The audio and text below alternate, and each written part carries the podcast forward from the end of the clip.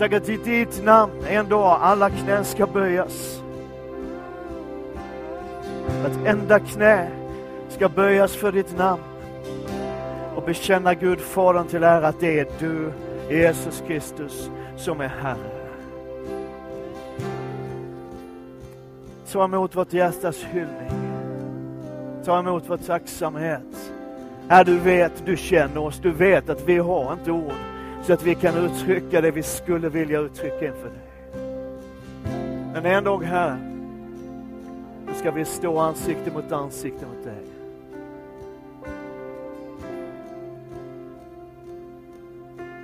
Och vi ska få tacka dig som köpte oss fria. Åh oh, Jesus. Tack Jesus. Tack ska ni ha. Varsågod och sitt ner lite grann.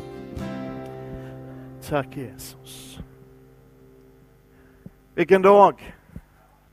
Vi är mitt inne i en serie av predikningar som vi började för några veckor sedan. Vi kallar för Dagarna som förändrade allt. Eh, och där har vi följt och vi följer och kommer fortsätta att följa Jesus på vägen till korset, till Golgata och idag uppståndelsen och så nästa söndag så, så avslutar vi det här, av den här serien för den här gången i alla fall med berättelsen om två människor mitt i sin vardag, mitt i sin vandring som möter Jesus på vägen och vad som händer med dem. Vi ska alldeles strax läsa en text ifrån Lukas evangeliets 24 kapitel. Ehm, och alldeles innan den här texten, innan den börjar, så berättar Lukas om några kvinnor som har kommit tillsammans med Jesus från Galileen. Och efter korsfästelsen så följer de efter, de ser var graven är, var man lägger Jesu kropp. De ser hur man lägger in Jesus där. Och Sen så vänder de här kvinnorna tillbaka och gör i ordning välluktande kryddor och oljor som de tänker använda för att smörja in Jesu kropp med som sedan var. Och så står det så här, nu står vi upp och läser Guds ord tillsammans. I Lukas evangeliets 24 kapitel. På den första dagen i veckan gick de tidigt på morgonen till graven med de välluktande kryddor som de hade gjort i ordning. De fann att stenen var bortrullad från graven och gick in, men fann inte Herren Jesu kropp. När de inte visste vad de skulle tro, se, då stod två män i skenande kläder framför dem. Kvinnorna blev förskräckta och böjde ansiktet mot marken, men de båda männen sa, varför söker ni den levande bland de döda? Han är inte här, han har uppstått. Kom ihåg vad han sa till er medan han ännu var i Galileen. Han sa att Människosonen måste utlämnas i syndiga människors händer och korsfästas och uppstå på tredje dagen. Då kom de ihåg hans ord. Så lyder skriftens ord. Amen, varsågod och sitt. Vet, över hela världen så firar man idag uppståndelsen. Man firar att graven och döden inte kunde behålla Jesus. Och det är en proklamation från världsdel till världsdel över hela jorden att livet har segrat, att Guds frälsningsplan har fullbordats. Och förra påskdagen när jag predikade här, så visade jag en animation eh, som jag tyckte var ganska häftig. Och jag hade tänkt, och jag tänker fortfarande, att visa den idag igen. Därför att det den beskriver är så makalöst. Och sen så i morse så fick jag ta en liten stund och göra om vissa bitar i den här animationen. Du kommer snart att förstå varför. Men du vet att när morgonen grydde för en 14-15 timmar sedan borta i Nya Zeeland så började lovsången där till den uppståndne att stiga. Och sen har det budskapet om en levande frälsare svept fram över länder och kontinenter, över Australien och Ryssland och Kina och Indien och hela det området. Och för väldigt många av våra trossyskon så möts man idag och har mötts idag under väldigt, väldigt svåra omständigheter. Riskerna med att proklamera en uppstånden frälsare kan vara och är många gånger väldigt stora. Och mörkret gör på något sätt allt för att behålla sitt grepp om mänskligheten. Och idag den här morgonen när hundratals människor var på väg för att fira den uppståndne frälsaren i kyrkor i Colombo och Negombo och Batikalau i Sri Lanka. Det land som jag har besökt så många gånger, det är land och det folk som jag älskar av hela mitt hjärta. Så exploderar flera bomber. Och idag på morgonen så räknar man med ett 150-tal döda, många skadade och kyrkor förstörda. En attack från mörkret på proklamationen om en uppstånden frälsare. Men som en av mina vänner som bor i Colombo skrev nu på morgonen. Vi låter oss inte stoppas. Evangeliet kan inte stoppas, skriver han. Ljuset har besegrat mörkret och kommer alltid att besegra mörkret. Och vet du att budskapet om att Jesus lever, det har fortsatt att ljuda i Sri Lanka och vidare över Mellanöstern och Afrika. Och just nu är det vår tur och det kommer att fortsätta över havet till Grönland och Brasilien och Kuba och Mexiko och USA och ända till Alaskas västligaste spets. Därför att Bibeln säger att jorden ska fyllas av kunskap om Herrens härlighet, så som vattnet täcker havens djup. Och det är vad som händer idag. Att budskapet om att Jesus lever fyller hela jorden trots världens ondska och trots att mörkret försöker attackera. Wow! Så vad är det egentligen vi firar? Du vet om man går ut på gatan idag, på tivoli eller vad det nu är för någonting här ute. Men går man ut och frågar en sån här genomsnittlig Enköpingsbo idag, här ute på gatan, vad är det vi firar idag? Så är det inte säkert att man får ett alldeles korrekt svar. Det är långt ifrån alla som vet vad påsken och påskdagen handlar om. Vet, den här största högtiden av alla kristna hög, högtider har liksom mixats upp med en väldig massa annat. I torsdags körde TV4s Nyhetsmorgon ett inslag om äggets historia. Det är starkt, eller hur? Och det kan vara ganska svårt att hitta påskens verkliga mening bland alla kycklingar och ägg och påskmust och sill och påskharar och allt vad det nu är. Och det finns många sätt att beskriva vad det egentligen är vi firar idag. Varje påskdagspredikan är ju någonstans ett försök att lyfta fram vad det handlar om. Tidningen Dagen hade i onsdags en artikelrubrik som slog rakt in i mitt hjärta och rakt in i min ande. På, därför att den på så många sätt är en av de allra bästa förklaringar till påskens budskap som jag någonsin har sett i hela mitt liv och det börjar bli rätt långt.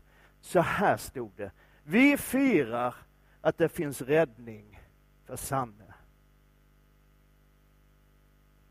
Och så skriver Linda Alexandersson så här. Uppdrag granskning visade under hösten ett reportage om Sanne som brottades med både psykisk sjukdom, anorexi och beroendesjukdom. Bland annat fick vi se hur hon under 12 dagar skickades runt mellan 14 olika instanser utan att någon tog ett övergripande ansvar. Hon nekades plats på härbärge, blev psykotisk och redogjorde för sexuella övergrepp. På frågan om vem som kan rädda Sanne svarade en av de tillfrågade experterna att det var inte säkert att någon kan det.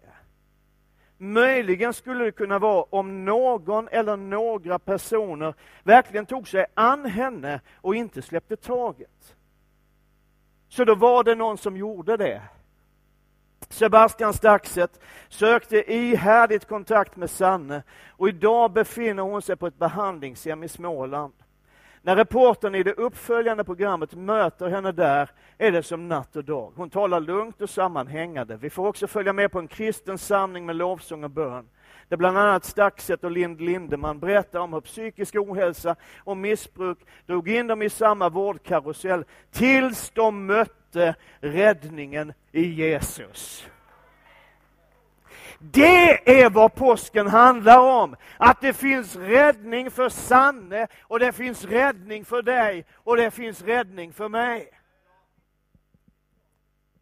I Apostlagärningarnas fjärde kapitel så står det så här. Hos ingen annan finns frälsningen. Och under himlen finns inget annat namn som människor fått genom vilket vi blir frälsta, räddade, hittar en framtid och ett hopp. Det finns inget annat namn. Och det finns ingen annan som i grunden kan rädda oss och befria oss. Det finns ingen annan. Men han finns. Han finns. Och Jag skulle vilja visa er då, bara en kort stund, 45-50 minuter, med paus och sen får, nej. Jag skulle vilja visa er då på konsekvenserna av Jesu död och uppståndelse. Förra månaden så gick vi tillsammans i den här församlingen genom Kolosserbrevet. Vi ska återvända dit för en stund. Eh, mest för att visa hur, hur snyggt vår undervisning hänger ihop. Nej, inte därför. Kolosserbrevets andra kapitel, från den sjätte versen. Där skriver Paulus så här. Liksom ni tog emot Kristus Jesus som Herren, så lev i honom. Rotade och uppbyggda i honom och grundade i tron i enlighet med den undervisning ni fått. Och låt er tacksamhet flöda över. Som troende, står det här, är det viktigt att veta och förstå att dina rötter inte längre finns i ditt förflutna. Så säg det en gång till, och kanske du förstår vad jag säger. Som troende är det viktigt att veta och förstå att dina rötter inte längre finns i ditt förflutna. Det finns inte i allt vad du har varit med om. Dina rötter är inte i allt det du har gått igenom. Dina rötter är inte längre din familjehistoria, eller dina släkttraditioner, eller din uppfostran. Dina rötter finns inte längre ens i ditt DNA. Utan dina rötter är i Jesus Kristus. Och det som definierar dig som kristen som har tagit emot Jesus i ditt liv är inte ditt förflutna. Det är inte dina fel och brister. Det är inte dina misstag. Det är inte ens din synd som definierar dig längre. Utan det som definierar dig är Guds nåd. Come on! Du har blivit uppryckt och omplanterad. Det är det uppryckande vi förkunnar i den här församlingen. Du har blivit uppryckt och omplanterad. In i nya omständigheter, in i en ny miljö. Och allt det är på grund av Jesu död och uppståndelse. Ni var döda, läste vi i Kolosserbrevet. Ni var döda genom era överträdelser och er oomskurna natur. Vår synd som inte bara handlar om enstaka handlingar som är fel, utan som handlar om en hel livsinriktning. Att missa målet, att vara på väg fullständigt åt fel håll. Vår synd förde med sig konsekvenser. Ni var döda genom era överträdelser. Synden är en fälla och vi var alla fångade. Och Bibeln jämför syndarens tillstånd med tillståndet hos en slav. Det är någon som har förlorat kontrollen över sig själv, sitt liv, sina omständigheter. Jag är inte längre min egen herre. Och Det är det som är så lurigt med synden, därför att synden vill få oss att tro att du kan vara herre över ditt eget liv. Men det som händer när vi ger oss in i synden, när vi, vi liksom inte låter Jesus befria oss, det är ju att vi blir mer slavar än vad vi någonsin har varit tidigare. Utan Jesus finns ingen frihet, men i honom finns all frihet en människa någonsin kan behöva. Synden är en kraft och en makt som tar kontroll över våra liv. Det handlar inte om att man gör lite fel här och där. Det handlar om att vara på väg käpp rätt åt helvete. Nu blev det väldigt tyst. Det är som Paulus skriver i Romarbrevets sjunde kapitel. Jag vill vara god, men jag kan inte. Jag vet att det inte bor något gott i mig, det vill säga i mitt kött. Viljan finns hos mig, men inte förmågan att göra det goda. Det goda som jag vill gör jag inte, men det onda som jag inte vill, det gör jag. Och I Efesierbrevet så pekar Paulus på konsekvenserna av vår oförmåga att vara det vi vill vara. Att vara de vi skulle vilja vara och göra det som vi egentligen vill göra.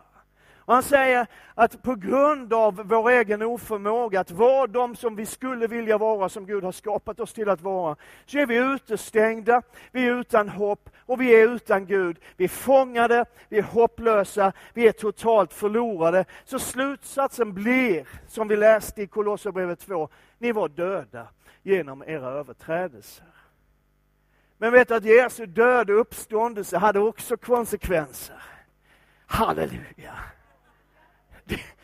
Det, det, det, det, är ju liksom inte bara du och jag som orsakar konsekvenser. Jesus fixade också konsekvenser med sitt liv. Och så står det så här, ni var döda genom era överträdelser och er oomskurna natur. Men också er har han gjort levande med Kristus. Han har förlåtit oss alla överträdelser, utplånat skuldebrevet som vittnade mot oss med sina krav. Det tog han bort genom att spika fast det på korset. Han avväpnade härskarna och makterna och gjorde dem till allmänt åtlöje. Och vad jag älskar det ordet. Han gjorde dem till allmänt åtlöje när han triumferade över dem på korset. Vad hände egentligen på korset?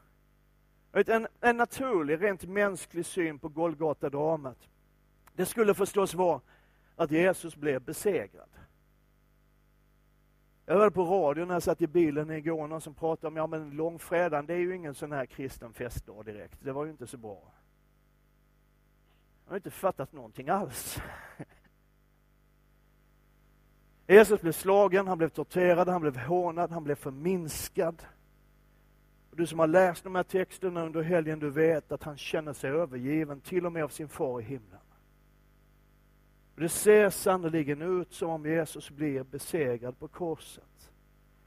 Men det är inte alls vad Bibeln säger. Den säger ju raka motsatsen.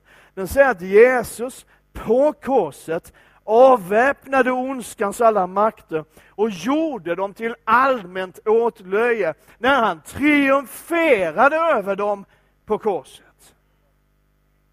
Det här är vad som verkligen hände på korset. Våra synder blev förlåtna.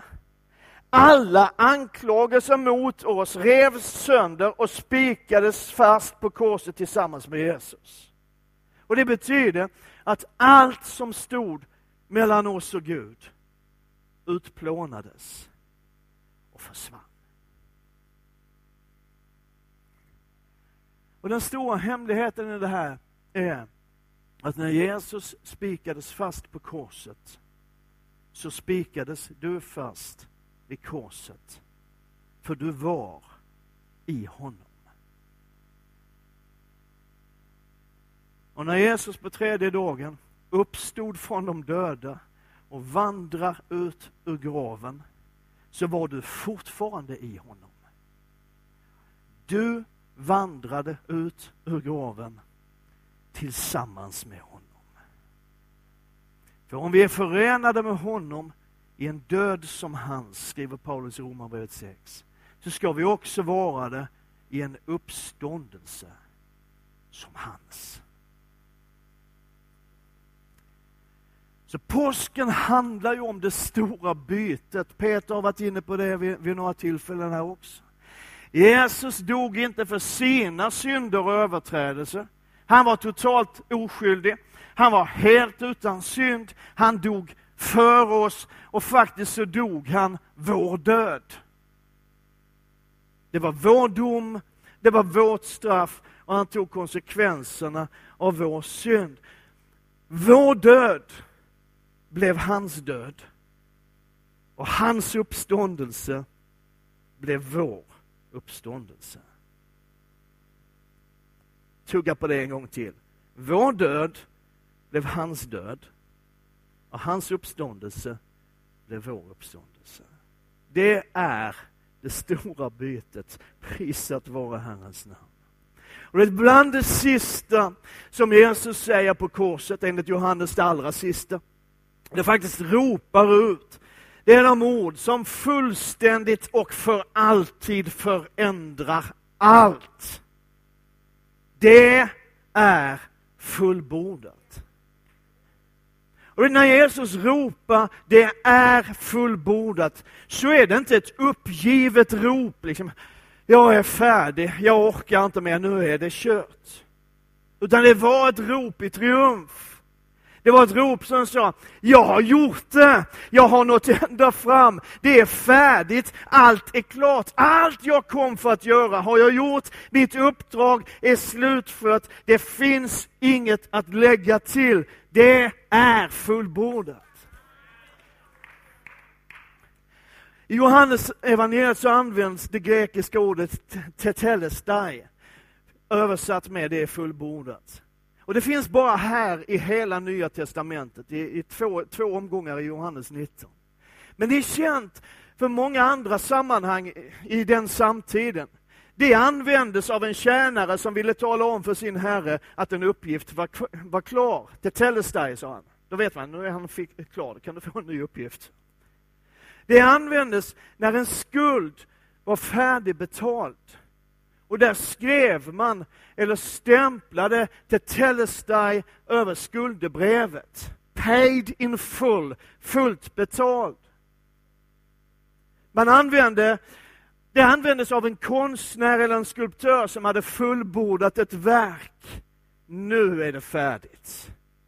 Det användes när ett straff var avtjänat och fången var fri och fick gå. Tetelestai. Och det är en direkt översättning av de ord som användes av prästerna i templet när de besiktigat offerlammen och upptäckt att det här lammet har inga fel, finns inga brister, inte minsta fläck. Det här är perfekt. Tetelestai, det här duger. Det är färdigt. Det är fullbordat. Det är klart.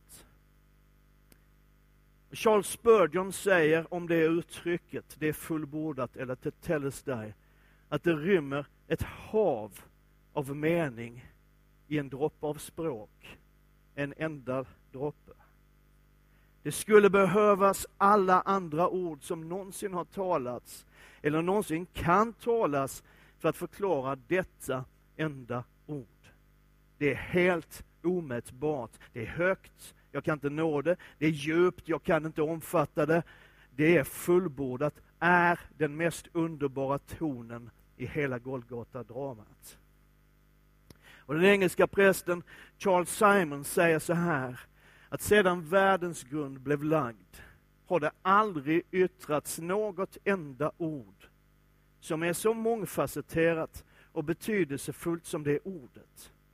Varje ord som har utgått från vår frälsares läppar förtjänar den största uppmärksamhet.